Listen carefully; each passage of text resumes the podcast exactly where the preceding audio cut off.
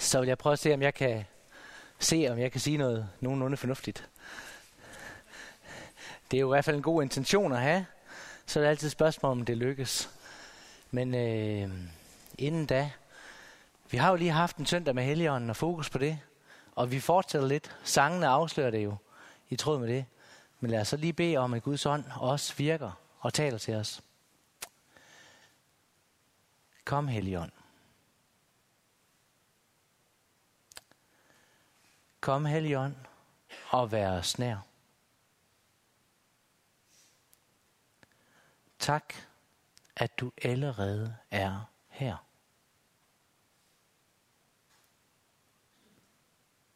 Hjælp os at åbne vores hjerter,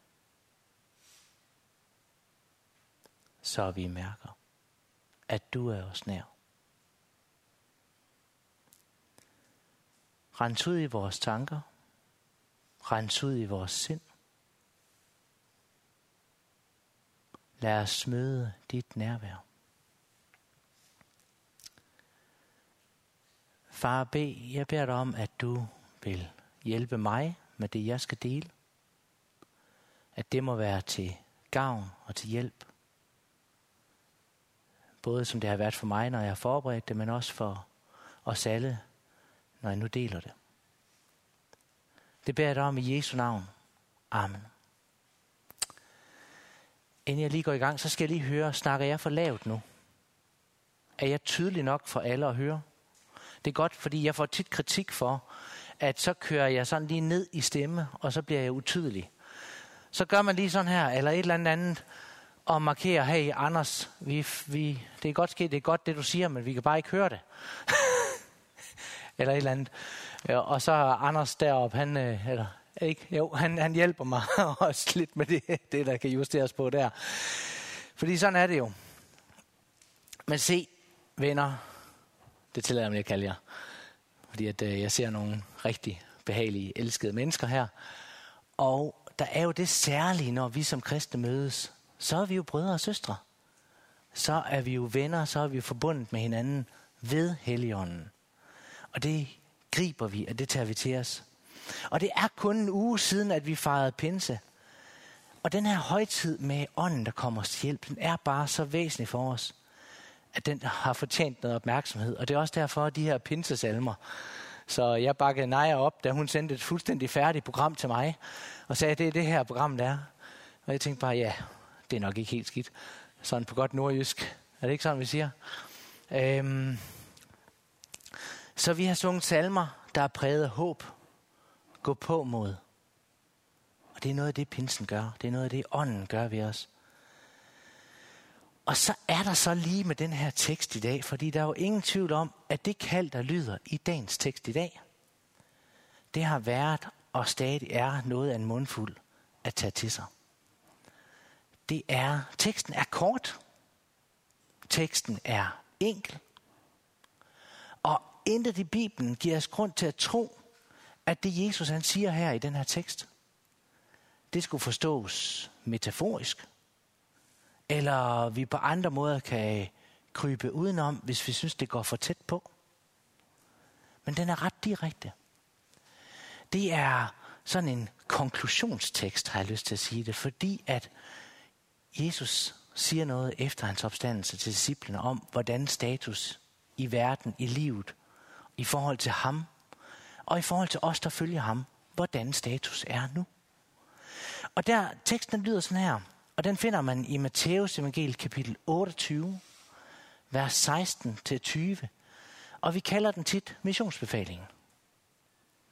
Og så kan vi allerede måske have nogle associationer, nogle af os, mission og befaling. Det afslører jo en del. Men den starter lige med en ramme. De 11 disciple tog derefter afsted til den bjergskråning i Galilea, hvor Jesus havde sagt, at de skulle mødes. Da de så ham, faldt de på knæ og tilbed ham, men andre var usikre. Der er lige lidt noget, synes jeg der, fordi at sådan kan vi godt have det. Men så kommer Jesus med hans konklusion.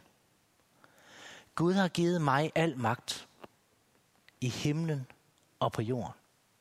Prøv lige at smage på det udsagn. Gud har givet mig al magt. Det er altså ikke mig her, men det er Jesus selv, der siger det. Han har al magt. Og så kommer konsekvensen af, at det er den virkelighed, vi lever i. Gå derfor ud og gør mennesker fra alle folkeslag til mine disciple. Døb dem til at tilhøre faderen og sønnen og helligånden, og lær dem at adlyde alt, hvad jeg har befalt jer. Og så kommer der lige sådan en lille trøste, uh, hvis vi synes, det er for hårdt. Og husk, jeg er altid hos jer ind til verdens ende. Der var lige en udfordring, men så fik jeg lige en arm omkring min skulder. Husk, jeg er altid hos jer ind til verdens ende. Så det er opstandelsens nye virkelighed. Jesus er blevet givet al magt i himlen og på jorden. Og det er den virkelighed, vi stadigvæk lever under i dag. Og så den her virkelighed, Jesus er med os ind til verdens ende. Han har al magt, og han er med os ind til verdens ende. Og så er der lige det der ind imellem. Det der, han siger til os, og som vi kalder missionsbefalingen. Så er der en opgave til os. Gå derfor ud og gøre mennesker fra alle folkeslag til mine disciple. Døb dem til at tilhøre faderen og sønnen og helligånden, og lær dem at adlyde alt, hvad jeg har befalet jer. Der var noget godt og noget trygt, og så var der en udfordring. Og sådan er Jesus jo. Han inviterer, og han udfordrer. Men det betyder jo, når jeg læser det her, så alle de tanker, vi nogle gange kan gå med, hvor at vi nogle gange kommer til at sige, jeg har min tro, og du har din tro, og vi skal nok ikke, du skal ikke blande dig i det, jeg tror på, og jeg skal nok være med blande dig i det, du tror på. Så er det ligesom om, det Jesus siger her, det prikker lidt til den holdning. Fordi der handler det om, at vi skal gå ud.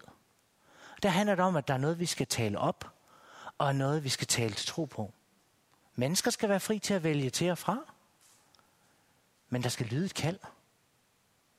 Vi skal ikke være helt private med vores tro. Jesus sejr over døden er den virkelighed, og den virkelighed, at han har al magt i himlen og på jorden, betyder ganske enkelt, at der ligger en opgave foran os. Og jeg gentager den igen.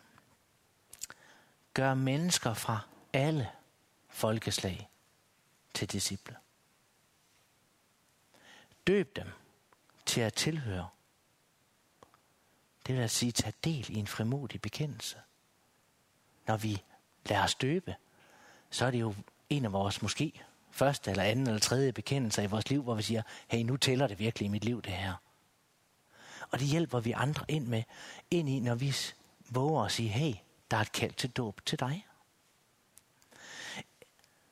Og så var der et eller andet, indret dit liv, så du tilstræber lydighed mod Jesu befalinger. Han siger, i det I lærer dem alt, hvad jeg har befalet. Hvis vi skal lære det videre, så må det jo kalde på, at vi indretter vores liv, så vi tilstræber lydighed mod Jesu befalinger. Det må være det, det betyder at leve det ud, han har lært. Fordi ellers så er det læring uden applikation. Altså læring uden konsekvens. Nogle gange så synes jeg, at jeg lærer mine børn noget. Men så dagen efter, så kan jeg jo se, at det har de jo ikke lært. Ikke? Kender I den her oplevelse? Det kan være, man kan måske også selv have haft det sådan som barn en gang imellem, ikke? At man måske ikke lige lærte det. Øhm. Og så kan der jo være forskellige reaktioner fra forældrene. Ikke? Men lad os nu forestille sig, at Gud er vores far. Wow, det har vi faktisk et, indtil flere billeder på i Bibelen, at han er. Han lærer os noget. Vi er kaldt til at træde ud i lydighed mod det. Og gå efter det. Men det er ligesom om, at det ikke altid siver ind og får fodfæst i vores liv. Men der er det her kald, indret dit liv, så du tilstræber lydighed mod Jesu befalinger. Altså, hvordan kan du indrette dit liv, så du tilstræber dig at gå den vej? Det er godt, at vi ikke rammer plet, men vi vil da gerne sigte imod det, hvis vi tror, tænker jeg. Der har jeg lyst til at spørge, Hvordan ser det ud for dig at træde ind i den virkelighed under dine livsomstændigheder? Og nu spørger jeg på den måde, fordi at tit, når man hører det her kald her, så når jeg hører det kald, så må jeg ærligt indrømme, Noah, det er min ældste søn på, der er lige fyldt 15 år. Der er noget her, du skulle lære. Eller Jonathan, min næste søn, der er noget her, du skulle lære. Men ordet lyder jo til mig, når jeg møder det. Anders, der er noget, du skulle lære. Men det er bare så meget nemmere for mig at sige, hvad betyder det for andre, end hvad betyder det for mig selv. Så derfor spørgsmålet. Hvordan ser det ud for dig at træde ind i den her virkelighed, at du har et kald til at gøre mennesker fra alle folkeslag disciple? At du har et kald til at hjælpe folk på vej til at beslutte sig og bekende frimodigt og lade sig døbe? At du har et kald til at indrette dit liv, så du tilstræber lydighed mod Jesu befalinger og lærer andre at gøre det samme? Hvordan ser det ud for dig, når du er ung? Hvordan ser det ud for dig, når du er midt i livet og måske selv har børn? Hvordan ser det ud, når du er gået på pension eller på anden vis er ude for arbejdsmarkedet? Hvordan ser det her ud for dig? Hvordan ser det ud, når du oplever, at kræfterne ikke længere rigtig rækker helt til? Hvordan ser det så ud? Når jeg læser befalingen, så læser jeg ingen tidsbegrænsning eller aldersrestriktioner på udfordringen. Jesus har givet al magt, og det gælder uanset hvad for en alder jeg har. Men det er jo sådan, at det her det er jo ikke altid noget, der lige kommer naturligt for os at lige gribe den her og gå den her vej. Så det er jo noget, vi må gøre bevidst besluttet. Fordi det sker ikke bare af sig selv, men vi må træffe bevidste valg i vores liv for at gå den her vej. Vi må bevidst søge måder at finde ind i det her på. Finde vej ind i det. Og så har jeg lyst til at sige, det er godt nok en stor mundfuld, jeg lige har præsenteret mig selv og jer for. Er vi ikke enige om det? Jeg synes, det er en stor mundfuld. Og vi kan hurtigt få følelsen af, at det er noget, vi er nødt til at lade, hen, lade gå hen over vores hoved. Og sige, ej, det, det gælder nok for en hel masse andre dejlige mennesker her, men det er ikke lige mig. Ja, det er simpelthen lige nødt til at fare forbi. Og her kommer vi til en af grundene til, at vi så desperat har brug for helligånden i vores liv. Vi så desperat har brug for åndens ledelse, åndens vejledning, åndens styrke, åndens hjælp i vores liv. For det her, det er bare noget, jeg ikke kan bære, du ikke kan bære alene. Vi kommer til kort. Det kan vi lige så godt se. Vi skal bare kigge. Altså, nogle gange er det måske bare timer, vi skal kigge tilbage, hvor vi tænker, okay, vi kommer til kort. Hvis vi har dårlig hukommelse, så kan det være det lidt længere, vi skal gå tilbage. Så nogle gange, så skal jeg længere tilbage. Men det er, fordi jeg ikke husker så godt, som regel. og Jesus, han vidste det at det var sådan.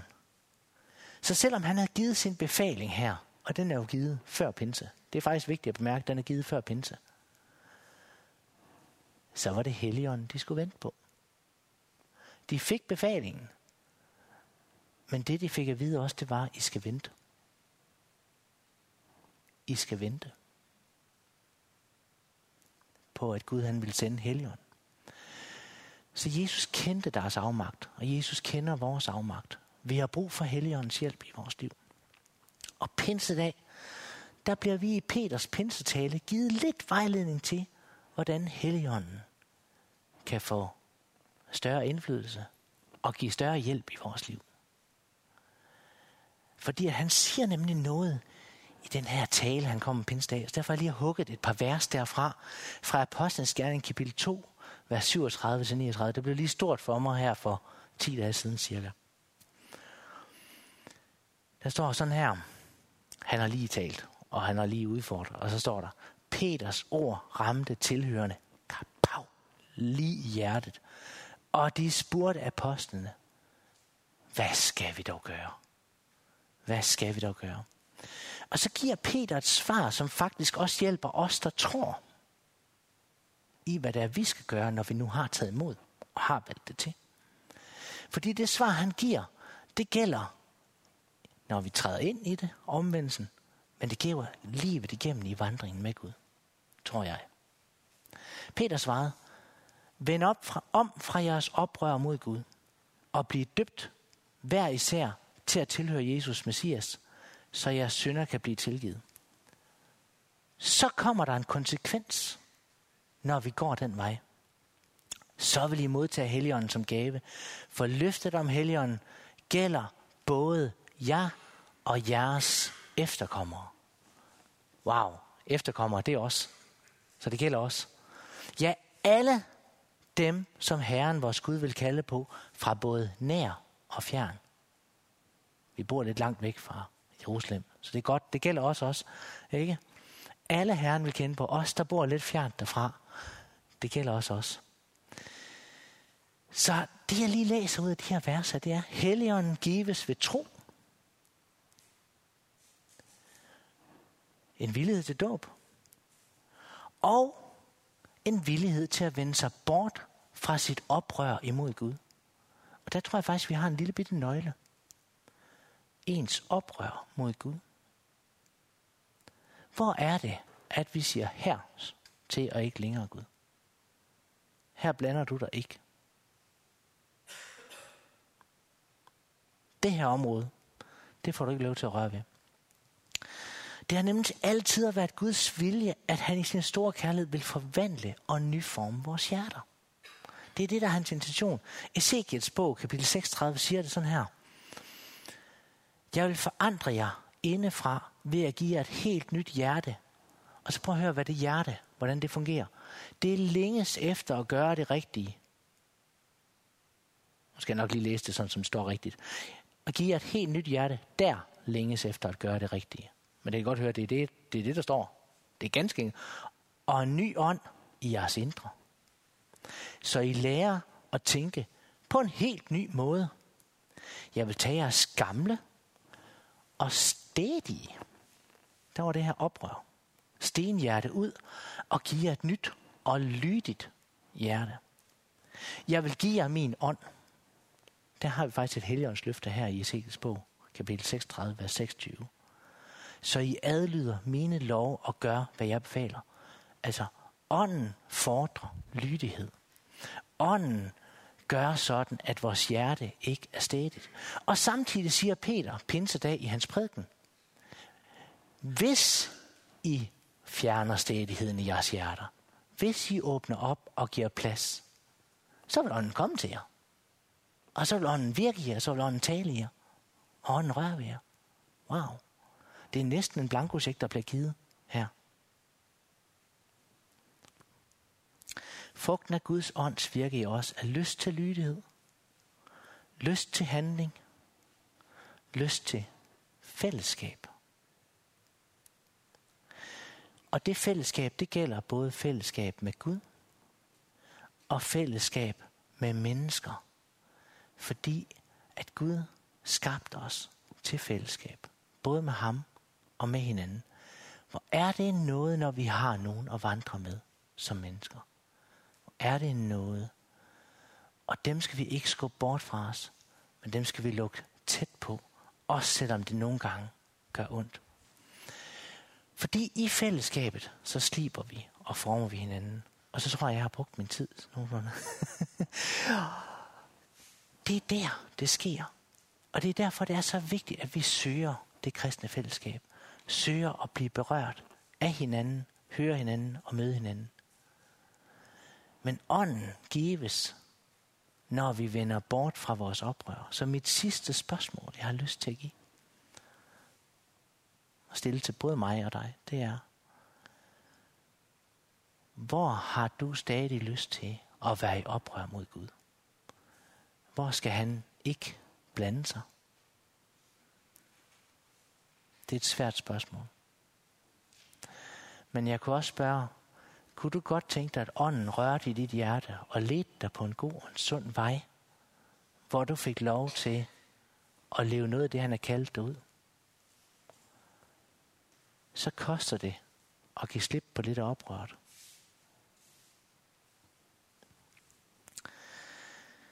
Lad os bede sammen.